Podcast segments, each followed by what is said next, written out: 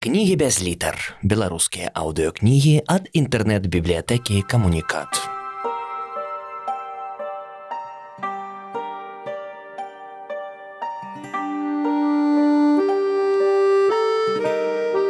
Андрей Федоренко Про одного письменника Светлой памяти М.П. Луферова Частка першая короткое лето раздел першы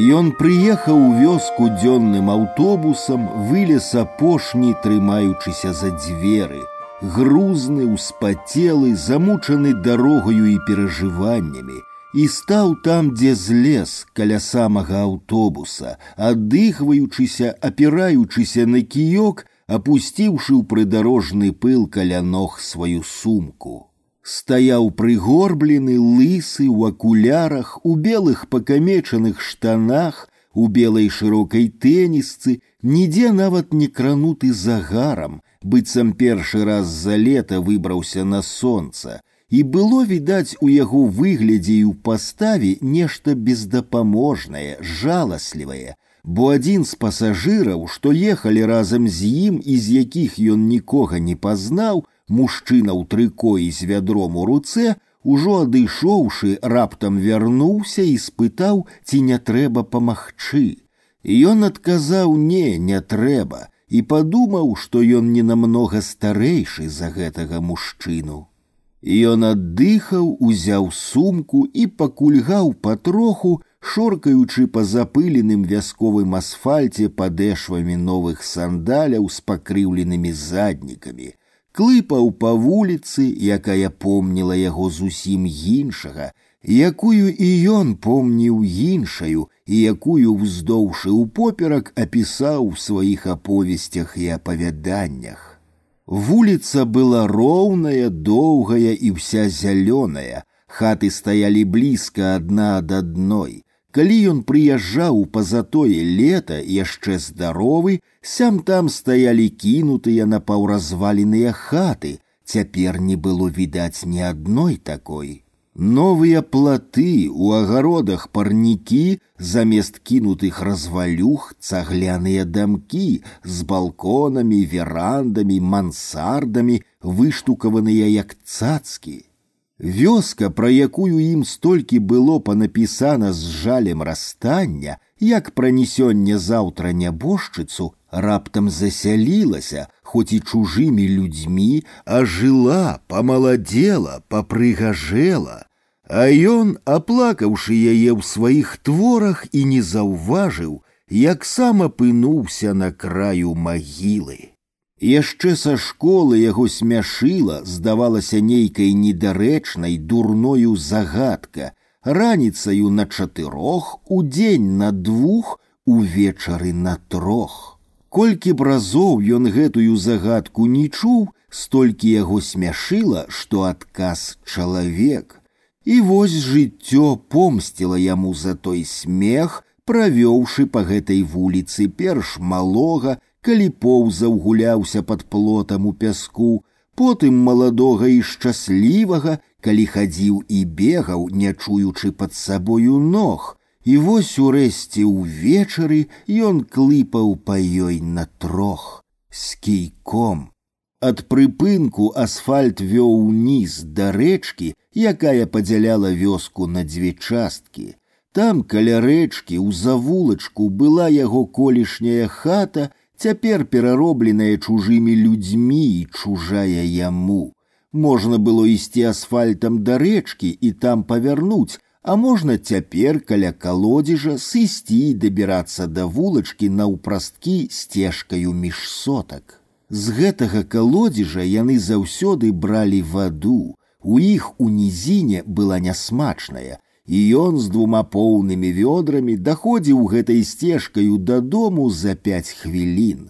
Каля калодзежа на лаўцы сядзелі людзі, Ён блізарука ўгледзеўся і не пазнаў нікога, але не даходзячы да лаўкі, калі трэба было паварочваць на сцежку, раптам павітаўся.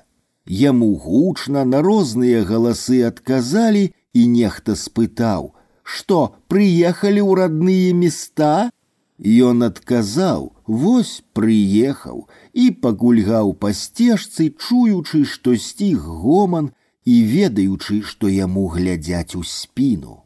Машынальна па прафесійнай звыццы ён падумаў, што трэба запомніць гэта на ўсялякі выпадак, як глядзелі ў спіну хвораму чалавеку. Не забыць, што хворыя, пакуль прывыкнуць да сваёй хваробы, цураюцца людзей, якія помняць іх здаровымі. Падумаў і схамянуўся, навошта, для чаго і для каго яму цяпер гэта трэба запамінаць, дзе яно ўжо можа спатрэбіцца. Сцежка выводзіла на вулічку з усяго трох хат. Яны стаялі па адзін бок, па другі быў паплоўчык, потым рэчка і зарэчная частка вёскі. Бліжэй да асфальту стаяла кінутая хата, пасярэдзіне іхняя, цяпер чужая дача, і апошняя у самым канцы вулічкі у алешніку лідзіная. Лідзіным дваром яму было ісці сама бліжэй. Звычайна, калі прыязджаў у тыя гады, ён так і хадзіў, але цяпер ён баяўся сустрэчы і гаворкі з любым знаёмым чалавекам, тым больш з лідаю. Хацелася толькі цішком дабрацца да ценю, да ложка, разуцца, прылегчы і проста паплакаць. Ён прайшоў сваім колішнім дваром як чужым, нічога вакол не пазнаючы і радуючыся толькі, што нідзе не відаць дачнікаў. Потым разораю дабраўся ў самы канец сотак, дзе на чыстым месцы на паплоўчыку стаяла сцёпка. Сцёпкамі ў іх зваліся маленькія хаткі, пабудаваныя пасля вайны, у якіх туліліся цэлымі сем'ямі, пакуль не перабіраліся ў новую хату. У каторы раз ён пахваліў сам сябе, што хапіла розуму не раскідаць, не прадаць гэтую хатку, у якую можна было прыехаць у любую пару года, дзе яму заўсёды так добра думалася і пісалася. І вось як старога сабаку, што чуе смерць і сыходзіць з воч людскіх, і яго прыгнала не куды-небудзь, а сюды. Паплоўчык вакол сцёпкі быў скошаны, і ён па маладой атаве даклыпаў да нізенькіх дзвярэй, пабіў кійком па іржавым замку, адамкнуў і ледзь адчыніў дзверы, якія аселі і упіраліся нізам у дол. У сцёбцы невялічкай тры на тры метры хатцы з адным акном, дзе неяк уціснуліся ложак, шафа, стол, табурет і пасярэдзіне яшчэ астаўся кавалачак чыстай падлогі, было даволі светла, толькі моцна цягнула затхласцю.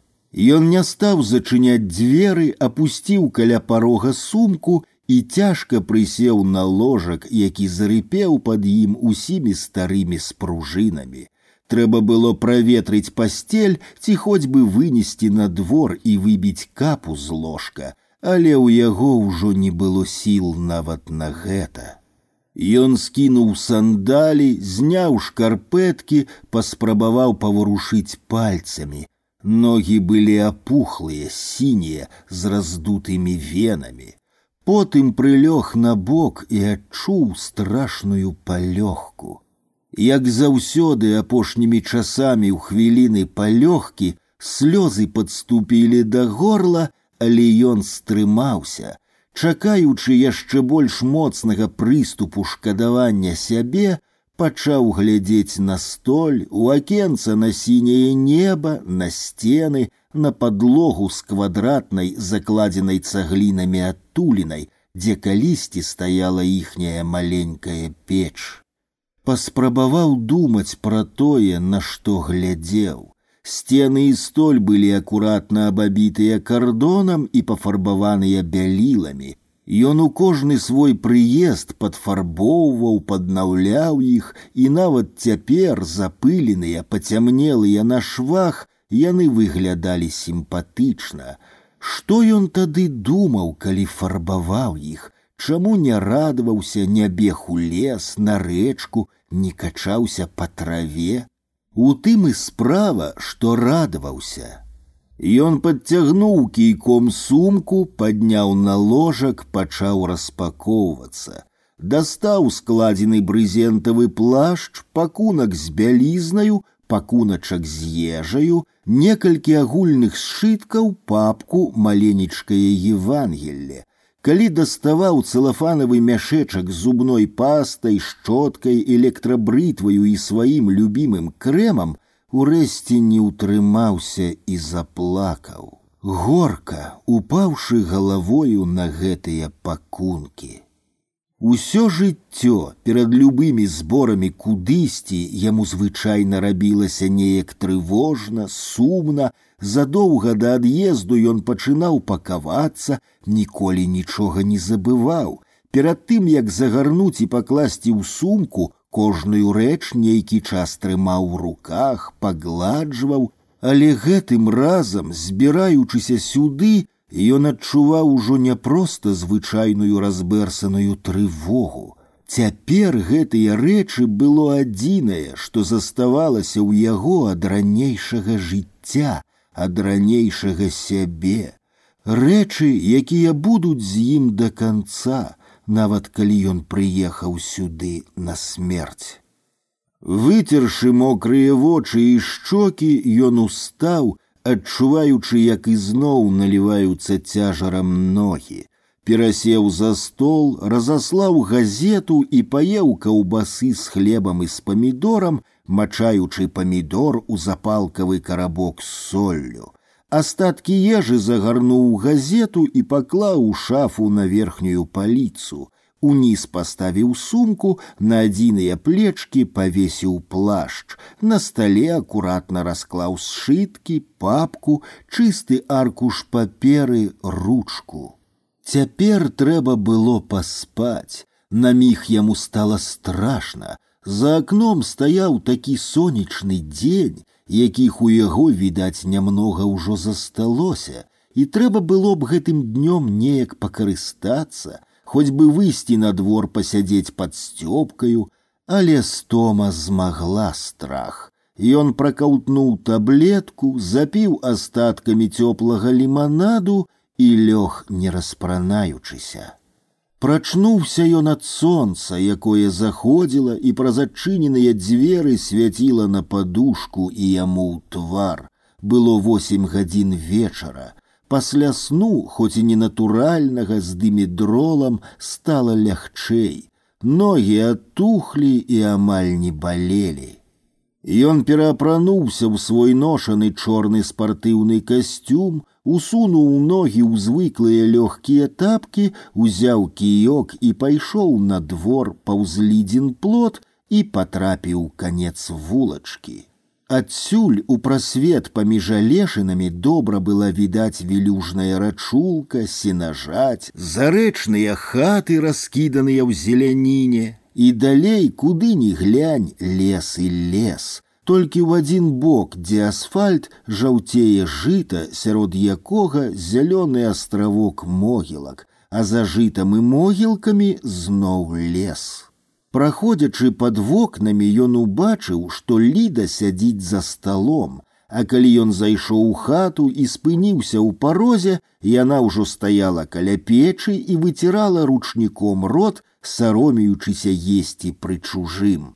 А я думаю, кот мыецца, а тады глянь, ідзе нехта.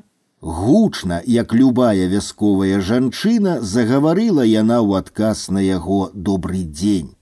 Гэта такая прыкмета, як кот мыецца лапаю, значыць, намывае гасцей, патлумачыла яна. От так людзі прыдумалі, а можа і праўда, сядай, праходзь, не стой. Яна выцягнула з-пад стола табурет, абмахнула ручніком, якім выцірала рот, і кінулася ў большую хату.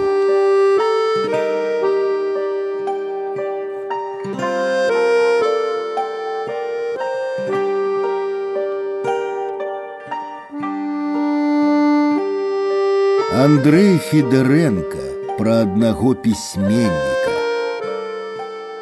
Частка першая, раздел другі.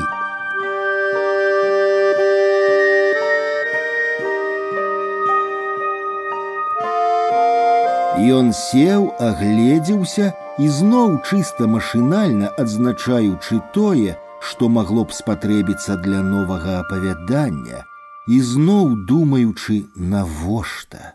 Хата як хата, чыстая, печ завешаная, каля печы абярэмак дроў, кашель, кош, ад печы да сцяны полік разабраны да палавіны. Под полікам горка бульбы, пахне зямлёй і мышамі. На столе миска з варанай бульбаю, слоік кіслага малака, гурок памідор. Рана капаеш, сказаў ён, паказваючы на бульбу под полікам. Ліда ўжо вярнулася з пачатай пляшкай купленай гарэлкі і даставала з тумбачкі шклянкі і сподачкі. А хто мяне гоніць? Я кожны год на іллю пачынаю капаць. Людзі навек смяюцца, што я раней скапаю, чым жыта пажну. Ужо як яна не вырасла, дык большая і не вырасце. Прыйшоў ілля, нарабіў гнілля. Дадала яна, пазірнуўшы на яго. Ліда, як і ўсе вяскоўцы, думала, што праца пісьменніка ў тым, каб запамінаць розныя народныя прыкметы, загадкі, забаўкі. Яна думала, што ён у горадзе гэта забывае і знарок прыязджае, каб наслухацца, і хацела шчыра памагчы яму, нагадваючы штораз, як малому дзіцяці, спас рукавіцы ў запас, на пакрову зіма гатова, кепска, калі дарогу перабягае чорны кот, пераходзяць з пустым вядром і гэтак далей. Яна толькі здзіўлялася, чаму ён не перапытвае і не записывае следам. З лідаю яны былі аднагодкі, жылі побач, хадзілі разам у школу, гулялі, быў час, калі нават трохі кахаліся. Усе, у тым ліку і настаўнікі і яго і яе бацькі думалі, што яны пажэняцца, але ён добра вучыўся, ужо друкаваўся ў раёнцы, захвалены настаўнікамі, трызніў горадам, філфакам, рэдакцыямі, літаратураю. Пазней ужо жанаты, наязджаючы з горада, заходзячы да ліды, асабліва пасля таго, як у яе памёр муж, ён заўсёды стараўся выглядаць перад ёю вясёлым, здаровым, шчаслівым, Хацелася, каб яна шкадавала, што не ён ёй дастаўся. І яна, ведаючы, што яму хочацца гэтага, шкадавала, казала: не ўсім такое шчасце, як тваёй жонцы. Ён ведаў яе малою, школьніцай, потым нявестаю, маладой маці, цаніў і бярог сяброўства з ёю.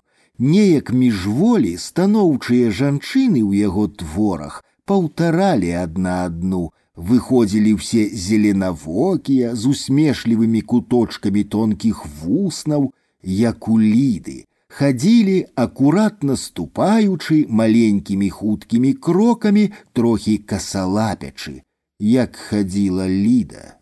Цяпер гэта была ўдава на пенсіі звычайная адзінокая вясковая жанчына, якая капае ўлетку бульбу, у выцвелым ад мыцця і сонца сарафане, загарэлая, басаногая, з парэпанымі ад зямлі вялікімі далонямі. І здавалася б, што яму цяпер ужо на любыя вочы нездароваму, невясёламу, нешчасліваму да гэтай жанчыны.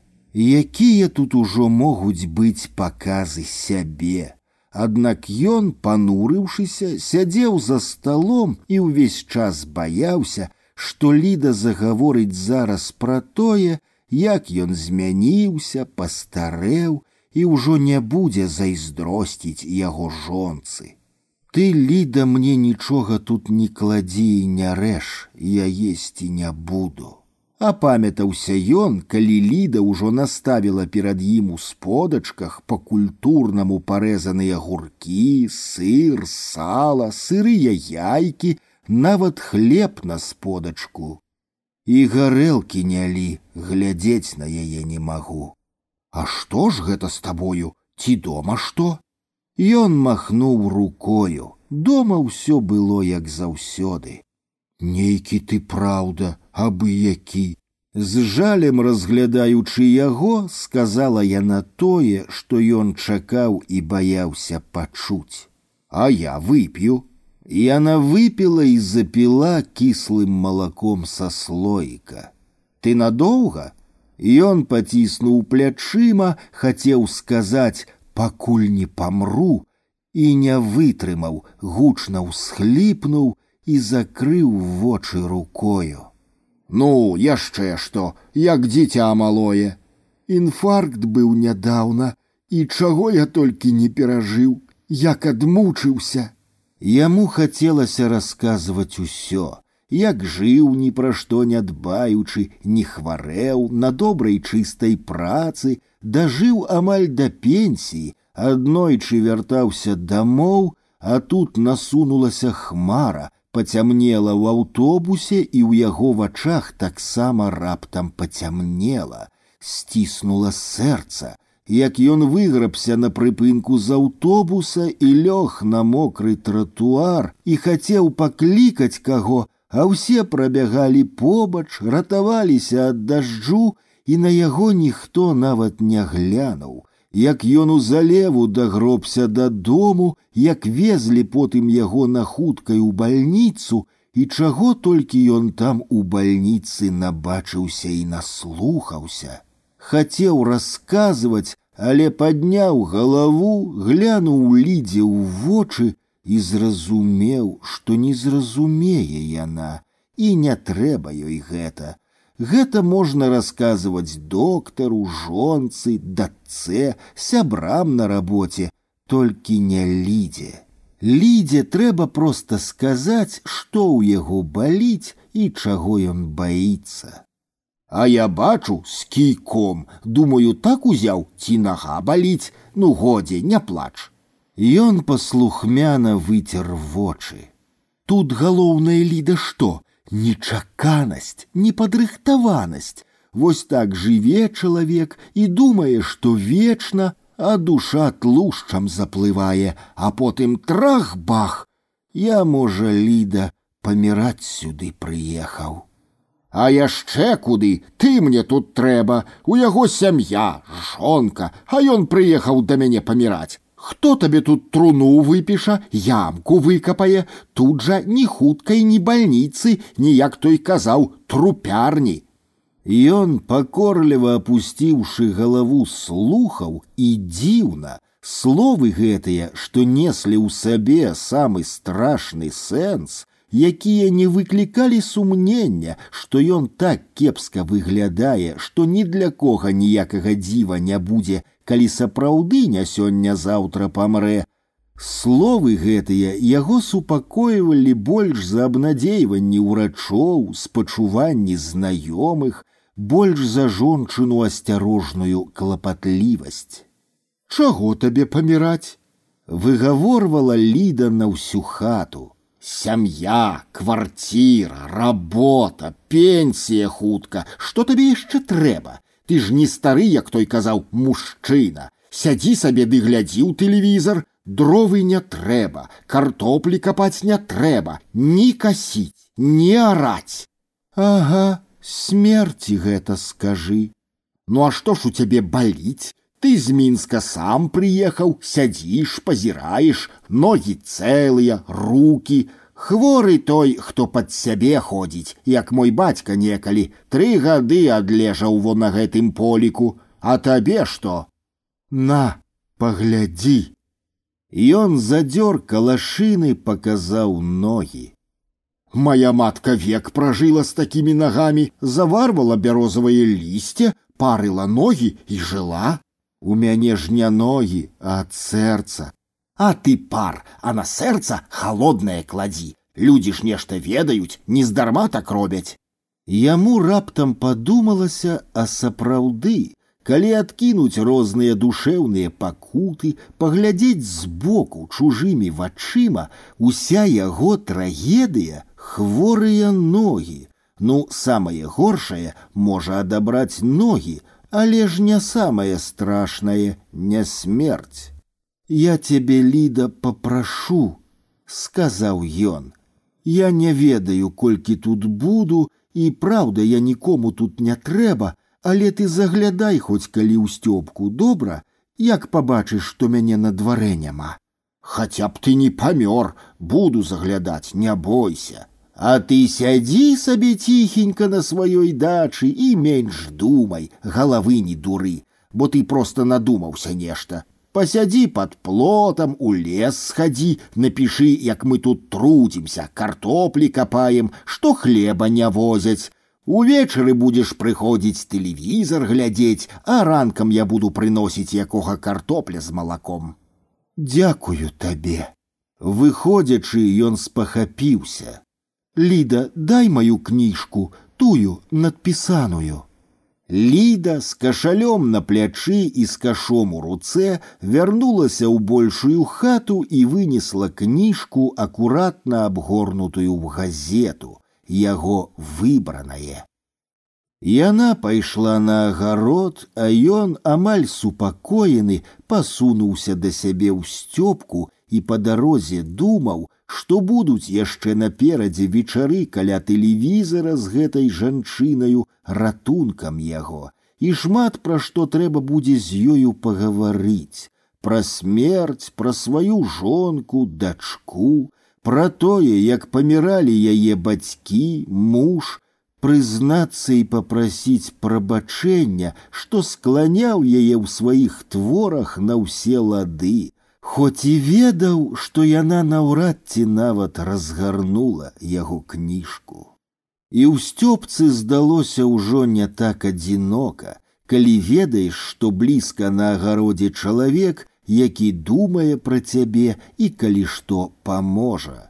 Праз акенца свяціла чырвонае вячэрняе сонца, Ён, пакуль не зайшло сонца, чытаў Евангелле, Потым, калі стала цямнець, уключыў святло і пачаў пісаць. Калі ёсць талент верыць, прага да ісціны, гэтыя веру і ісціну можна адшукаць не тое, што ў Евангеллі, а ў маіх апавяданнях пра калгасы і пра паліцаяў. Ёсць, хто не ўмее іграць на скрыпцы, не ўмее араць, касіць, танцаваць балет, пісаць апавяданні, а я не умею верить, дык у чым мой грех?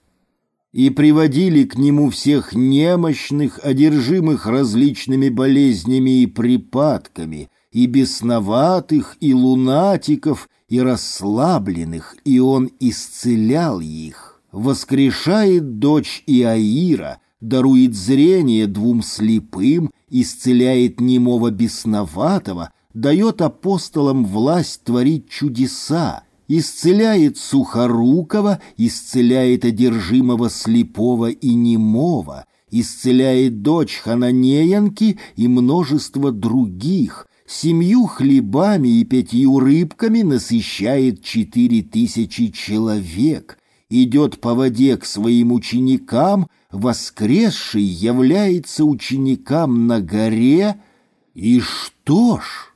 и, увидевши его, поклонились ему, а иные усумнились. Езус свенты, пасля ўсяго усумніліся, а мне, чалавеку канца двадцатого пачатку двадцать першага стагоддзя, які нават уявіць сабе не можа ніводнага з гэтых дзівосаў, трэба верыць на слова. Калі Бог сапраўды быў добро, Калі б ён хоць трохі любіў людзей, яму трэба было прабіць пагулянкі па вадзе перад кожным новым пакаленнем. Здавалася б, чаго прасцей спусціцца летнім днём у вобразе анёла на камсамольскае возера, на фінскі заліў, гудзон, даць сябе сфатаграфаваць і знікнуць, растварыцца, больш нічога, і чалавецтва выратавана навечна, Шчаслівыя, як дзеці людзі радасна жывуць, радасна паміраюць, радасна хварэюць, адчуваюць сябе зброяю ў нечых добрых руках, Нічога і нікога не баяцца, мозг не забіты, каго пабдурыць, абкрасці, абрабаваць, хутчэй усім насалодзіцца. Войнаў няма, гора няма. Фізічная праца робіцца неабходная, як ежа, культура, літаратура, мастацтва ствараюцца ў часы найвышэйшага экстазу захаплення перад велічу вечнасці як солнце, что только что светило у окно, и вось зникла, и следу няма.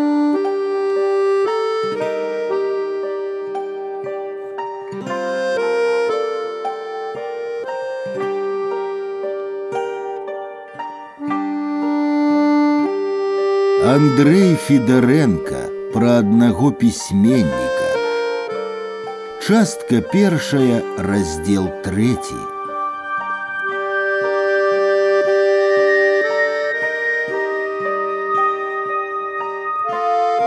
Жнівень быў добры, ціхі, сонечны, Ён пачаў жыць у сцёбцы, рана клаўся спаць, рана ўставаў, ішоў у блізкі лес, нарываў бярозавага лісця, Пакуль вяртаўся, Ліда прыносіла ўжо ў сцёбку чыгун кіпеню, слоік сцюдзёнай вады з калодзежа, заварвала лісце ў тазе, ён парыў ногі, трымаючы на сэрцы слоік з холадам, і здавалася, што лягчэла.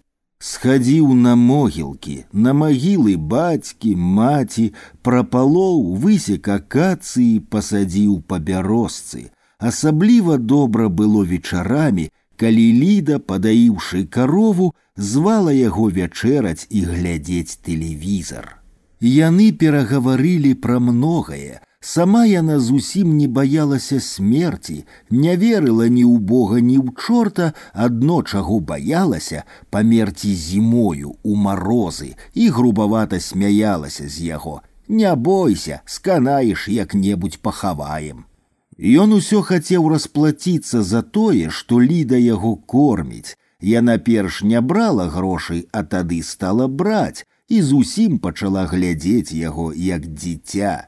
Удзень ці ўвечары, прыходзячы ад ліды, ён перачытваў свае дзённікі, якія вёў да 32 гадоў, перагортваў выбранае і патроху пісаў. Адзін-два абзац у дзень, пра што попала.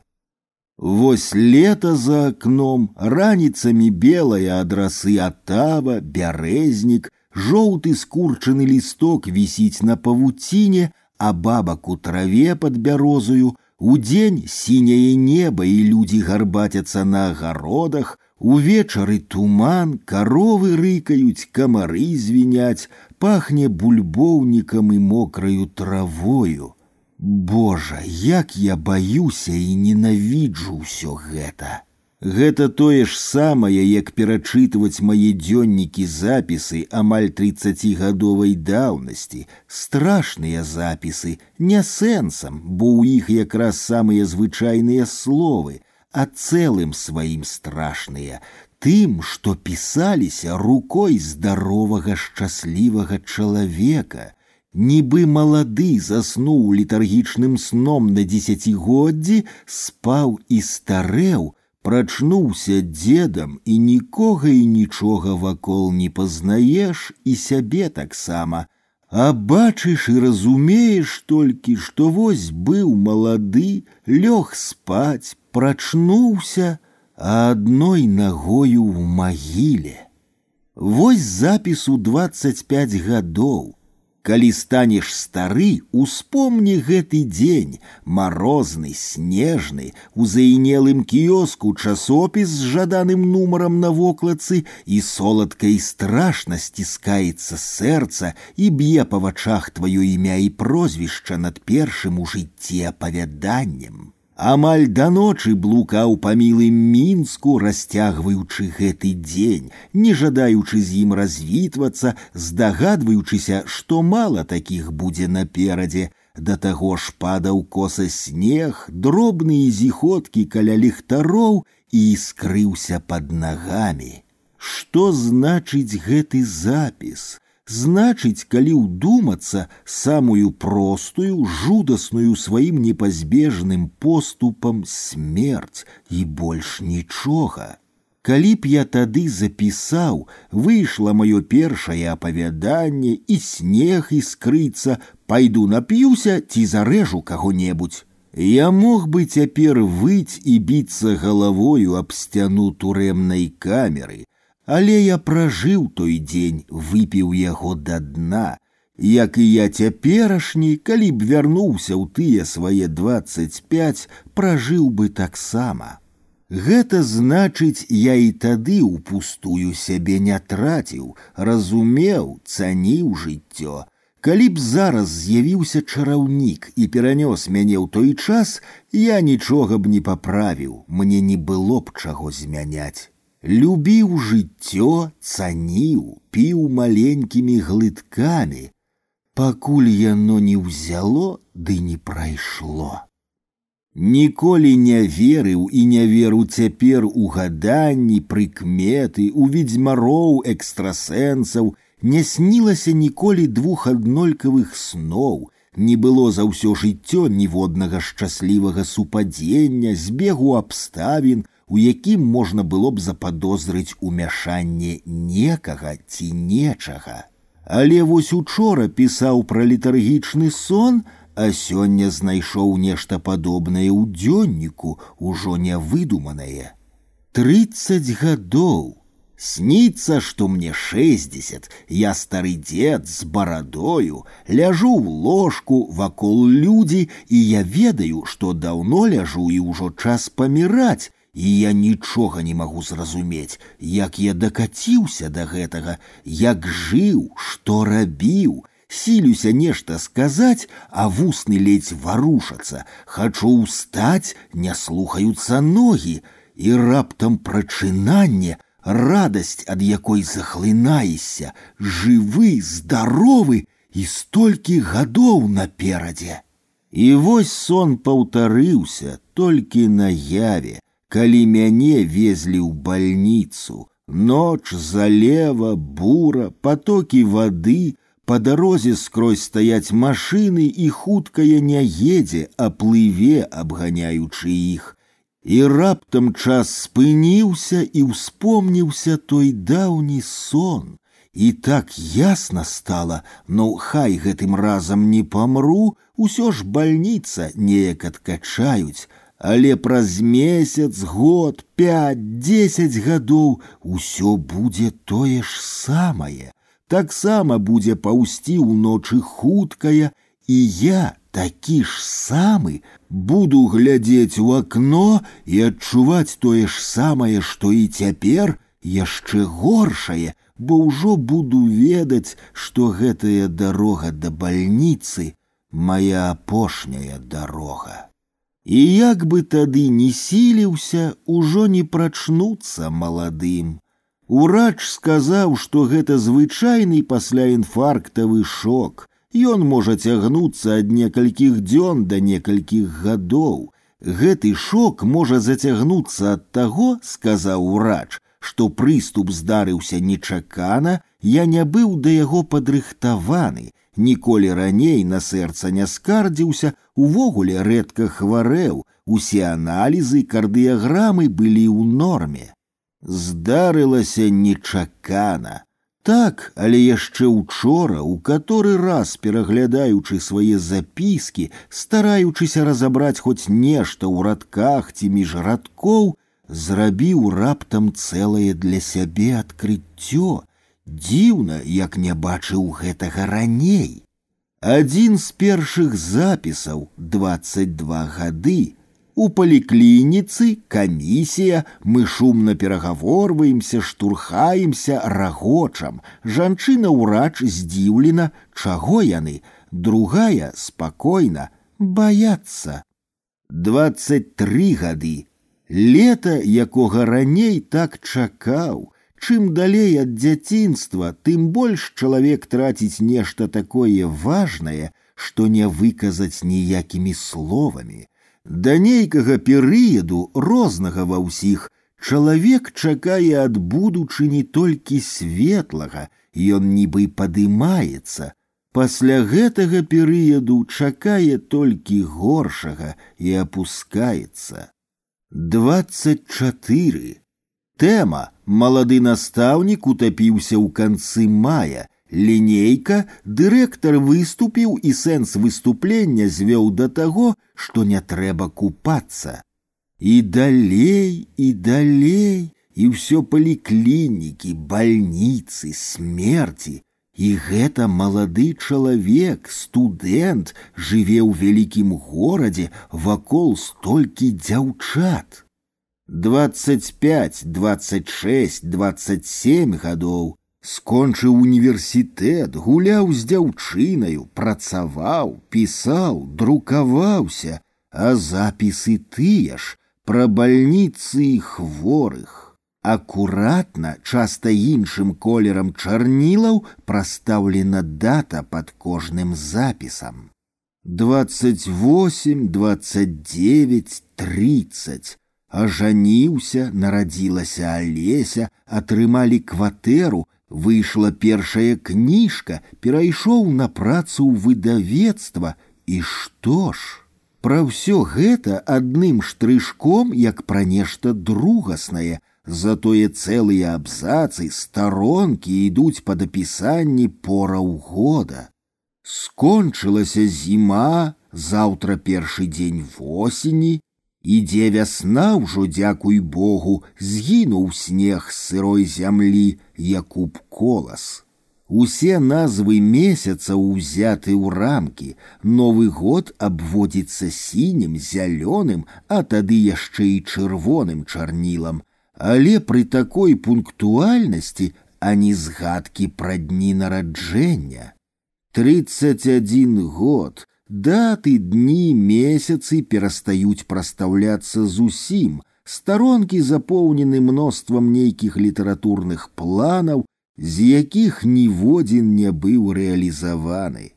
Урэшце пасля 32 гадоў запісы робяцца з перапынкамі ў месяц, год і тычацца выключна літаратуры, тэмы, героі, дзе што друкавалася, дзе будзе друкавацца.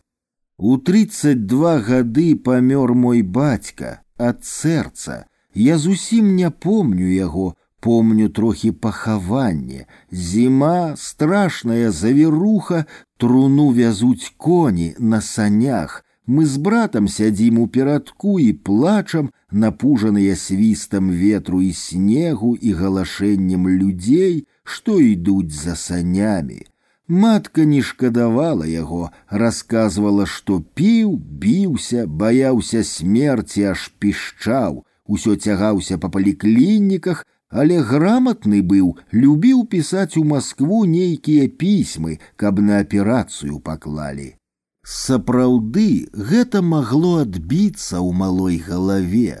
У два-тры гады даведацца, што смерць страшная штука, ад якой можна пішчаць, што яна прыходзіць пасля тридцаці гадоў, што для таго, каб яе адцягнуць, трэба быць гатоваму хадзіць па паліклініках, бальніцах, пожадана быць грамотным, каб пры выпадку напісаць у Маскву наконт аперацыі.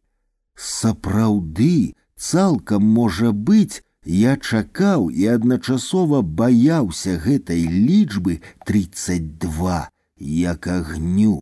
С патаемнай падсвядомай радасцю рука абводзіла чырвоным ці зялёным чарнілам назву месяца, Вось, дзякуй Богу і снежань прайшоў, а я жыву і быццам нічога здаровы, а вось цэлы новы год, а я жыву.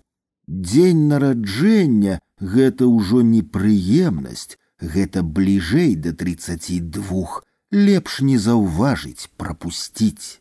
І каля самых 32 на перавале спроба падмануць нешта ці некага, нагрузіць сябе планамі, ну не будзеш жа паміраць, не зрабіўшы яшчэ столькі ўсяго. Характэрны запіс зроблены адразу ж пасля перавалу 32. Чалавекам у жыцці рухае толькі ірацыянальнае інстынкт, выпірающая сила жизни. Наколькі моцнае ў чалавеку гэтае ірацыянальнае, няўлоўнае, настолькі доўга здарова прадукцыйна ён і пражыве. Бо калі ёсць здароўе і душэўны спакой, тады праясняецца і ўсё іншае, навошта жыць, для чаго пісаць і як паміраць і на што паміраць. Не выясненне гэтых пытанняў дае душэўны спакой, а наадварот, Таму што высвятленне пытанняў жыцця і смерці можа памагчы толькі тады, калі на пару гадзін застаешся ў адзіноце ў чатырох сценах, але вакол жыццё і ў сутках 24 гадзіны.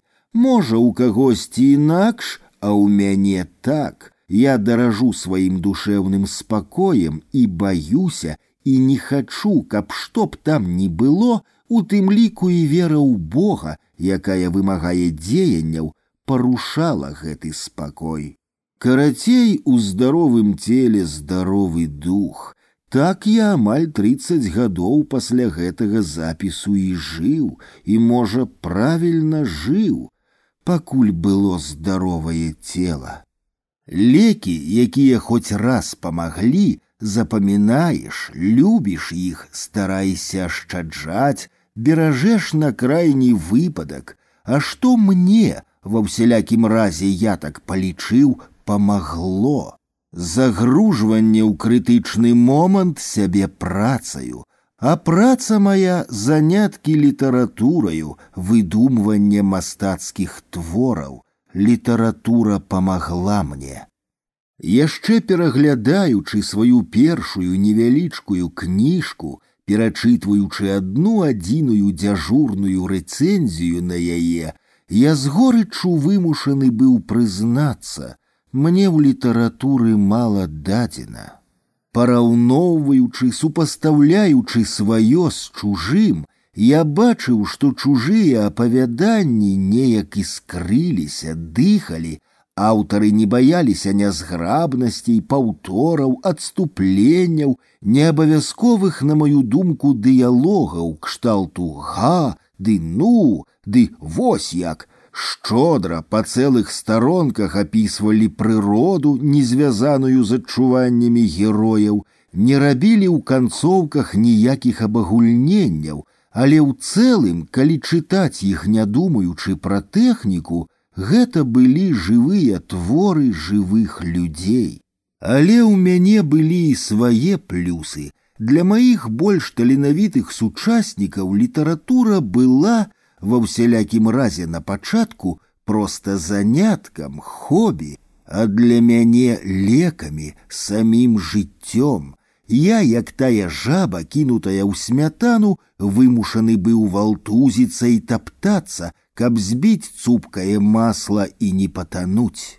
Я мог перапісваць аповесці апавяданне па 14 разоў і камбінуючы шляхам спробаў і памылак, чыста матэматычна дабіваўся таго ж, чаго іншыя дабіваліся на адным дыханні у хвіліны натхнення.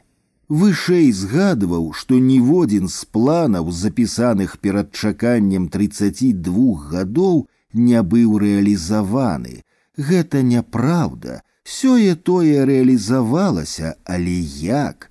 Я абдумываў усё халоднай галавою, вывяраў кожны сказ, дабіваўся, каб у абзацы не было двух аднолькавых слоў, але не ведаў натхнення, ні разу не было, каб старонкі з-пад рукі ляцелі. Апавяданні, як сталі казаць, пачалі атрымлівацца густыя, з ідэалагічнага і граматычнага боку вывераныя, апошняе уменне пісаць без граматычных памылак, відаць, найбольш паслужыла таму, што мяне ў хуткім часе запрасілі на працу ў выдавецтва рэдактарам.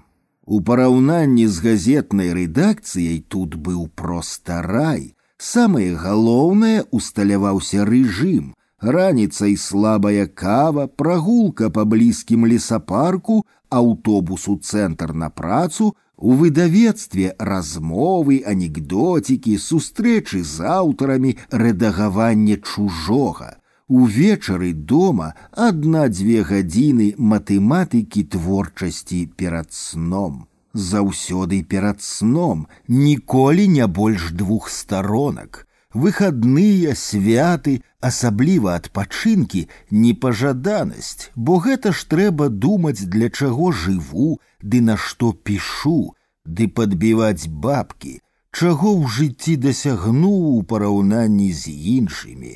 Сябры здзіўляліся, чаму я так марудна і мала пішу, калі ёсць такія магчымасці друкавацца. І сапраўды у год я друкаваў одно апавяданне, рэдка два. За тридцать гадоў ледзь набралася дзесяць аркушаў выбранага. Дык што? Пачатак лета, хмарнага, дажджлівага, з перападамі ціску. Толькі што выйшла маё выбранае, нібы падвёўшы рыску пад пэўным адрэзкам жыцця. Апошні год я жыў як па інерцыі, але вось-вось павінен быў быць адпачынак, а адпачынак гэта час шчырасці перад самім сабою. У вольныя дні адпачынку я проста вымушаны быў бы прызнавацца сабе ў тым, пра што здагадваўся, але закручаны ў рэжым не хацеў думаць. А менавіта маё выбранае плён усяго жыцця у параўнанні з тым, што вакол апошнім часам адбываецца і адбылося, нікому не патрэбнае, ні чытачам, ні крытыкам, ні прадаўцам кнігара, ні бібліятэкарам, нікому ў свеце. І лепш было б і для мяне і для ўсіх, каб гэтае выбранае ўвогуле не выбіралася.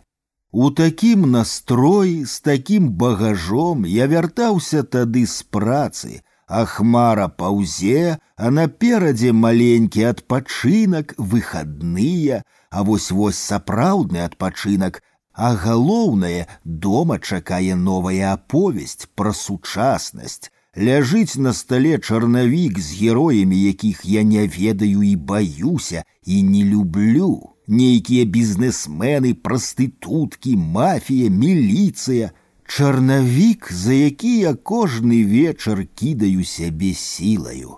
Арганізм не захацеў цярпець гэтага.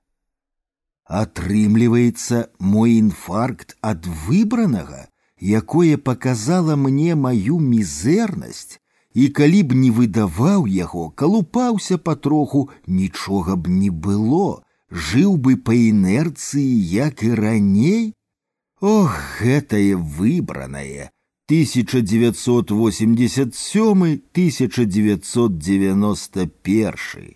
Гады, у якія все ранейшыя крытэрыі ідэалы перавярнуліся на 180 градусаў. Выбранае выбіралася, а час усё бег, усё змяняўся, і мае сакратары парткамаў, калгаснікі і партызаны аніяк за ім не паспявалі. Дапускаю, што я ўсё жыццё сумленна, як умеў, стараўся кляпаць у мастацкіх вобразах тое, што не магло быць вечна, верыў у тое, у што нельга было верыць, у сацыялізм, у калгасы, у грамадства вышэйшай справядлівасці, у партыю камуністаў, Таму і выйшла маё выбранае эталонам таго, што нікому не трэба. Дапускаю, я ўпарта і сумленна будаваў вось такую сцёпку, у якой цяпер сяджу. І сцёпка атрымалася цёплая, у ёй можна жыць, але пабудавана яна не на цвёрдым грунце, а на ільдзіне. Ільдзіна растала. Дапускаю, але што такое я, акрамя таго, што сумленны рамеснік і добры рэдактар, хто мяне дзе ведае, Мне мала дадзена, таму і мала з мяне можна ўзяць. Я пабудаваў на ільдзіне сцёпку, а нехта ж цэлыя дамы, палацы, Ды па гэтай логіцы павінна была пачацца проста эпідэмія пісьменніцкіх інфарктаў, і чым больш таленавіты пісьменнік, тым больш яго павінна была аглушыць перамена веры. Учора ўзяў у ліды томік апавяданняў шукшына, знайшоў апавяданне верую, і што ж, у авіяцыю, у хімізацыю, у механізацыю сельскай гаспадаркі, у навуковую рэвалюцыю, у космас і бязважкасць, у барсучынае сала, у стаячую аглоблю, бо ўсё гэта аб'ектыўна. Калі ў гэта верылі лепшыя з лепшых, дык што казаць пра масы, Вось гэтая аб'ектыўнасць і звязвала як раствор цагліны эпізоды ваенныя, калгасныя, партыйныя, гістарычныя, палюбоўныя ў апавяданнях, аповесцях і раманах. Але не перастаю здзіўляцца, чытаючы цяперашнія выступленні пісьменнікаў і цяперашнюю крытыку. Аказваецца, усе заўсёды разумелі, што тая вера была лухта, Творы таго часу трэба лічыць несур'ёзнымі, лепш іх увогуле не згадваць, а калі згадваць, ацэньваць з пазіцыі апазітыўнасці. Гультая, які не хацеў ісці ў калгас, трэба лічыць цяпер не за гультая, тым больш не за ворага, як ранейшая крытыка лічыла, а за станоўчага героя. У апавяданнях пра вайну паліцая цяпер трэба лічыць як асобу трагічную, чалавека, які апынуўся паміж двух агнёў. Зрэшты, усё можа быць, і тая вера магла быць несур'ёзнаю, але тады якая сур'ёзная, якая ўрэшце заняла сваё законнае месца, калі адпала патрэба маскіравацца і гаварыць эзопавай моваю у рыначную эканоміку, у малы і вялікі бізнес, у шкоду авіяцыі, механізацыі, хімізацыі, у добрага паліцая, у кепскага партызана, у самадура парторга, у бога сатану, у храм хам адраджэння абуджэння.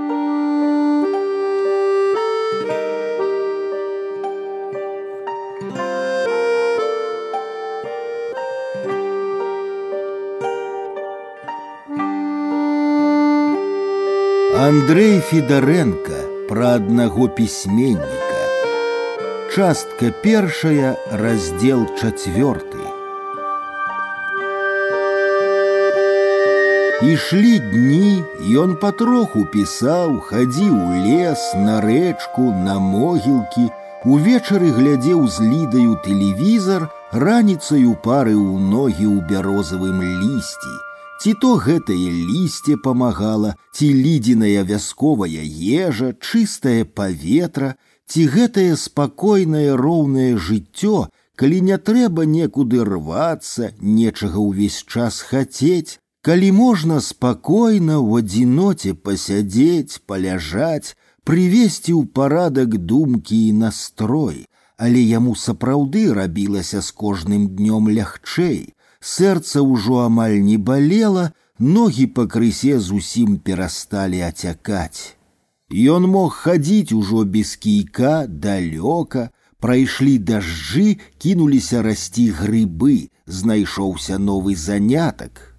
Ён абышоў усе знаёмыя з малых гадоў мясціны, многае ўспомніў, перажыў па-новаму, раз выбраўся ў суседнюю вёску, дзе была пошта і заказаў тэлефонную размову з мінскам, пагаварыў з жонкаю. Усе навіны былі добрыя. Жонка прасіла прабачэння, што не пісала, турбавалася, як ён там, шкадавала, што адпусціла яго аднога такога, прасіла ўжо прыязджаць дамоў. Алесін, дачкі кавалер сабраўся ўрэшце жаніцца, званілі сябры, пыталіся, куды ён знік, цікавіліся, ці піша што-небудзь новенькае. Выйшла яшчэ адна рэцэнзія на яго выбранае.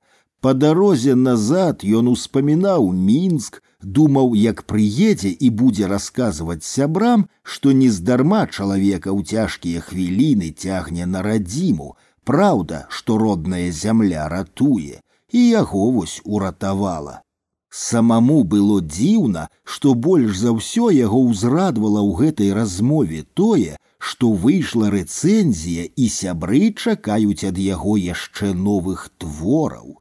Хоць ён добра ведаў рэцэнзента, напярод мог сказаць, што там будзе напісана, усё роўна прыемна было прадбачваць чытанне той рэцэнзіі, як і ў ранейшыя да хваробы часы.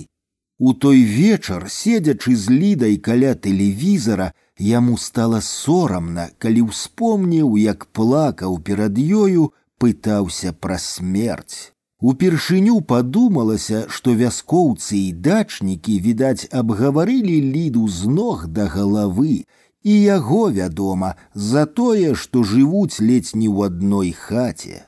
І гэты сорам і нейкае раскаянне ў нечым былі першым пробліскам вяртання да сябе ранейшага. Адбылося акурат тое, аб чым ён пісаў у сваім дзённіку 30 гадоў назад. Паздаравела цела, патроху пачало вяртацца здароўе, і дух паздаравеў, і пытанні, якія раней так палохалі, даводзілі да жаху, цяпер здаваліся не такімі ўжо і безадказнымі. Іх можна і трэба было цяпер вырашыць, каб жыць, як і жыў. Змяняўся дух, змяняліся і думкі яго, і матыў запісак. Я не столькі жыў літаратураю, колькі прывык жыць ёю. Дык чалавек прывыкае і да сваёй правай рукі, а калі яе можа адрэзаць, прывыкае і жыве без рукі. Прывыкну і я жыць без літаратуры. Нічога ад гэтага ў свеце не зменіцца. Малады хлопец недзе ў глухой вёсцы, які хоча вырвацца на шырокае жыццё, не знойдзе ў тваіх творах адказу на пытанне, як жыць. І маладая дзяўчына не заплача над лёсам тваёй гераіні, Яна, дзяўчына, наўрад ці нават разгорне часопіс з тваёй новай аповесцю. І стары чалавек, паважаны пенсіянер, не напіша табе: Вось я так люблю вашыя творы, а цяпер чуў, што вы сабраліся кінуць пісаць, Дык вельмі ад імя чытачоў прашу вас гэтага не рабіць і крытыка не ўзбунтуецца, што літаратура, страціўшы мяне, нешта страціць. З другога боку, калі прыспічыць пішы, раз пакуль яшчэ выходзяць часопісы, трэба ж, каб нехта іх напаўняў, на мой век хопіць.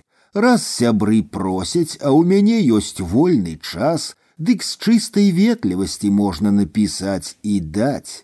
Можно писать, можно не писать, а свет вакол будзе рабіцца ўсё меньше і меньше, пакуль не звядзецца да года, месяца, дня, гадзіны. А чорныя сцены і зверху і з бакоў ціснуць і ціснуць, і ўсё да меншага звужаюцца. І што ўспомніцца, лежачы ў тыя апошнія гадзіны, гледзячы ў чорную жудасную столь, аповесць пра старшыню калгаса ці пра рэкет. На працягу ўсяго існавання чалавецтва тысячы лепшых, разумнейшых людзей, геніяў прысвячалі жыцці, біліся над вырашэннем аднаго адзінага пытання і рана ці позна прыходзілі да высновы, што жыццё не канчаецца смерцю, што смерці проста няма. Я не магу ахапіць розумам ход іхніх доказаў, не магу паверыць і ў самыя доказы. У мяне не было ні вялікіх здольнасцей, ні ўрэшце часу, магчымасцей, каб пазнаць вялікія мудрасці. Але якое я маю права не верыць людзям, у якіх былі і час і здольнасці і магчымасці пазнаць усё гэта. Калі чалавек ніколі не бачыў, як расце ананас, бо ніколі далей самахвалавічаў нідзе не быў, дык якое ён мае права не верыць таму, хто абышоў цэлы свет і бачыў не толькі ананас, а і яшчэ сёе тое. Успомні, як ты паміраў, Самае жудаснае адчуванне было не страх памерці, а страх страціць прытомнасць на вуліцы. Трэба было любымі сіламі дапаўсці да кватэры. Я зрабіў гэта, дапоўз і на ганку страціў прытомнасць. Я не ведаў, як і хто мяне будзе ратаваць, зусім не думаў пра гэта. Гэта было не галоўнае. Так і цяпер галоўнае для чалавека дапаўсці да ганка. Гэта значыць пражыць фізічна як мага даўжэй, пажадана да глыбокай старасці, калі прытупяцца адчуванні і спакойна, без лішніх жаханняў страціць прытомнасць, памерці. А хто і як мяне будзе пасля ратаваць, гэта ўжо не моя справа. Не ведаю, што гэта будзе за ратунак, але ніякага права не маю думаць, што ратунка не будзе зусім. І хто ведае, можа, калі б нехта захацеў не як у бібліі, а проста і зразумела выказаць сваю волю, чаго ён ад нас хоча, тое і атрымалася б, Кожнае пакаленне павінна гаціць шлях для саміх сябе будучых. Змагайся з любым насіллем і ўратуеш сябе будучага, і тады шматлікія смерці, пераліванні ва ўсё новыя і новыя праявы стануць такія ж нястрашныя і будзённыя, як і засынанне кожным вечарам. У канцы лета ён сабраўся, спакаваў сумку і зайшоў да ліды развітацца. Ну, акрыяў, а помніш, які прыехаў? Памятаю. Едь з Богам і глядзі, мала што. Калі зноў скруціць, дык прыязджай, буду глядзець, хай людзі смяюцца, што дзве жонкі займеў. Выходзячы з двара, ён азірнуўся. Ліда стаяла на ганку, босая у тым жа выцвелым сарафане папраўляла завязаную на патыліцы хустку. Ранішняя вясковая вуліца зноў была такой, як заўсёды, сваёй, знаёмай. І ён без кійка ажывелы, зусім звычайны мужчына, ішоў па ёй і зазіраў зверху праз платы ў двары. Жыццё зноў зжалілася з яго на невядомы тэрмін, вярнуўшыся кое такое здароўе. Ён адчуваў усю хісткасць гэтага свайго спакою, здагадваўся, што можа быць дастаткова любой драбязы, хоць галаўнога болю, перабоя ў сэрцы, насмарку, і ён зноў спалохаецца, і ўвесь спакой яго разляціцца ў дым. Але цяпер такім ранкам яму як дзіцяці хацелася радавацца хоць гэтай маленькай часовай перадышцы, маленькай перамозе самога сябе, перамозе, якая давала яму надзею зноў забыцца, увайсці ў сваю каляіну, есці, спаць, чытаць газеты, глядзець тэлевізор, ездзіць на працу і рэдагаваць чужыя рукапісы, спрачацца з жонкаю, радавацца за дачку, чакаць унукаў і пісаць новую рэч. Чарнавы рукапіс ужо ляжаў у сумцы, называўся ён проста повесть. На прыпынку збоку ад пасажыраў стаялі дзеці, хлопчык з дзяўчынкаю, з вялікімі букетамі астраў і вяргінь, і ён не адразу зразумеў, чаго дзеці і што, пакуль не ўспомніў сёння ж першага верасня. Восень вось дзеці едуць у школу у суседнюю вёску, дзе васьмігодка. Рана было, а цёпла, Чырвонае сонца біла ў вочы з-за лесу, адкуль павінен быў паказацца аўтобус. Лес быў зусім зялёны, і ў зялёных садах ціўкалі птушкі, і пасажыры шумна гаварылі, і гэтыя дзеці з кветкамі смяяліся. Усё радавалася, жыло і ніяк не хацела разумець, што прайшло цэлае лета.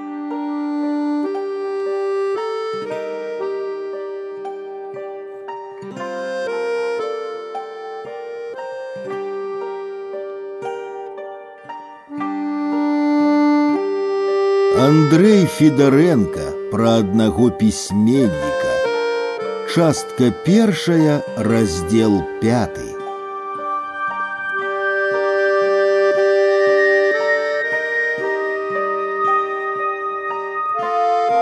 У мінску Мікола Пятрович, так яго звалі, найперш пайшоў у паліклініку. Доктар, агледзеўшы, абстукаўшы, распытаўшы яго, заключыў, што ўсё добра і можна выходзіць на працу, толькі вядома ж і думаць забыць пра каву, моцную гарбату, пазбягаць розных эмоцый. Можа, я напісаў у вёсцы свае запіскі і псіхалагічна разгрузіўся, зняў шок. Узрадаваны думаў Мікола Пятрович. Дома ён выцягнуў з тумбачкі пісьмовага стала тоненькую папку, сеў на падлогу, засланую новым мяккім паласам і пачаў пераглядаць чарнавікі. Калі ўжо табе зноў закарцела пісаць, сказаў сабе Мікола Пятрович, жыць без гэтага не можаш, дык прыдумай нейкую іншую форму, якая ўключала б у сябе і ўсё нерэалізаванае і тое, да чаго дадумаўся ў вёсцы. Ён знарок так казаў, падманваючы сябе, каб адцягнуць прыемны момант. На самой справе ён ведаў, што такая форма ў яго ўжо ёсць гэта повесть. Перапісаць яе начыста, зверыць цытаты, набраць на машынцы. Тут Мікола Пятрович ціха засмяяўся. Ён усё забываў, што машынка цяпер учарашні дзень, бо адразу пасля яго вяртання з вёскі, будучы зяць прэзентаваў яму камп'ютар, маленькі, прымітыўны, але да чаго ж мілая зручная штучка, і так прыемна проста думаць, што вось ты пісьменнік і ў цябе ёсць камп'ютар. А ён памятаў часы, калі машынка была рэдкасцю, Ды пра што казаць, калі яму ў выдавецтва дасюль носяць і дасылаюць школьныя сшыткі, спісаныя нават не шарыкавай ручкаю, а атрамантам з чарніліцы і ледзь не гусіным пяром. Мікола Пятрович і не чакаў, што зможа так захапіцца гэтай новай аповесцю, зусім не падобнай на ўсё сваё ранейшае. Часу хапала, пасля інфаркту жонка ўжо не цыкала на яго, не піліла, як раней. Па-першае, баялася, а па-другое, не хацела псаваць настрой сабе і яму перад хуткім вяселлем дачкі. Мікола Пятрович карыстаўся момантам зацішша. Пісаць пачаў не вечарамі, а раніцамі, калі галава была яснейшая. Такі пунктуальны раней цяпер дазваляў сабе спазніцца на працу, сысці раней, нават на датчыным вяселлі, якое неўзабаве у канцы верасня згулялі, ён, пасядзеўшы трохі з гасцямі, павіншаваўшы маладых, неўпрыкмет выбраўся з кватэры, пайшоў у свой блізкі лясок, зусім яшчэ летні, зялёны, толькі не па-летняму ціхі, хадзіў час ад часу прыкладаючы да сэрца далонь і слухаючы, як яно б'ецца, а думаў не пра хваробу, не пра вяселле, а пра сваю аповесць, як яе лепш афармляць. Пасля вяселля дачка часова пераехала да маладога і ў трох пакаёўцы зусім апусцела. Мікола Пятрович толькі радаваўся гэтаму, пра размен кватэру збіраліся разменьваць. Ён адразу сказаў: мяне не чапайце. Яго і не чапалі. Зяць наадварот яшчэ дзякаваў яму за давер і хваліўся сваімі сувязямі з нейкімі разменнымі фірмамі. Калі раніцаю нашча чысты, апрануўшы свежую кашулю ці белую тэніску, Мікола Пятрович сядаў за пісьмовы стол, нібы нешта таксама светлае і чыстае сыходзіла на душу. Бадай упершыню ў жыцці ён зведаў, што такое натхненне, Нарэшце скончыў рукапіс, набраў на камп'ютары і зноў падзівіўся, да чаго ж разумная, прыемная тэхніка. Усё гэта было неяк нова, нязвыкла, лёгка і эстэтычна. Дачка на працы раздрукавала тэкст, перад тым як несці яго ў рэдакцыю міколу пятровічу раптам прыйшла ў галаву блазнаватая думка узяць усе свае слоўнікі і выкасаваць у іх тры словы чытач крытык ганарар і да канца жыцця не карыстацца імі забыць пра іх існаванне але астыў адхрысціўся прычым тут словы калі на тое пайшло дык вінаваты стан рэчаў ці як хочаш называй першародны грэх ці той факт, што ніколі, ні пры якіх абставінах адзін чалавек не зразумее цалкам другога. Ты самотным прыходзіш у гэты свет і самотным павінен яго пакінуць.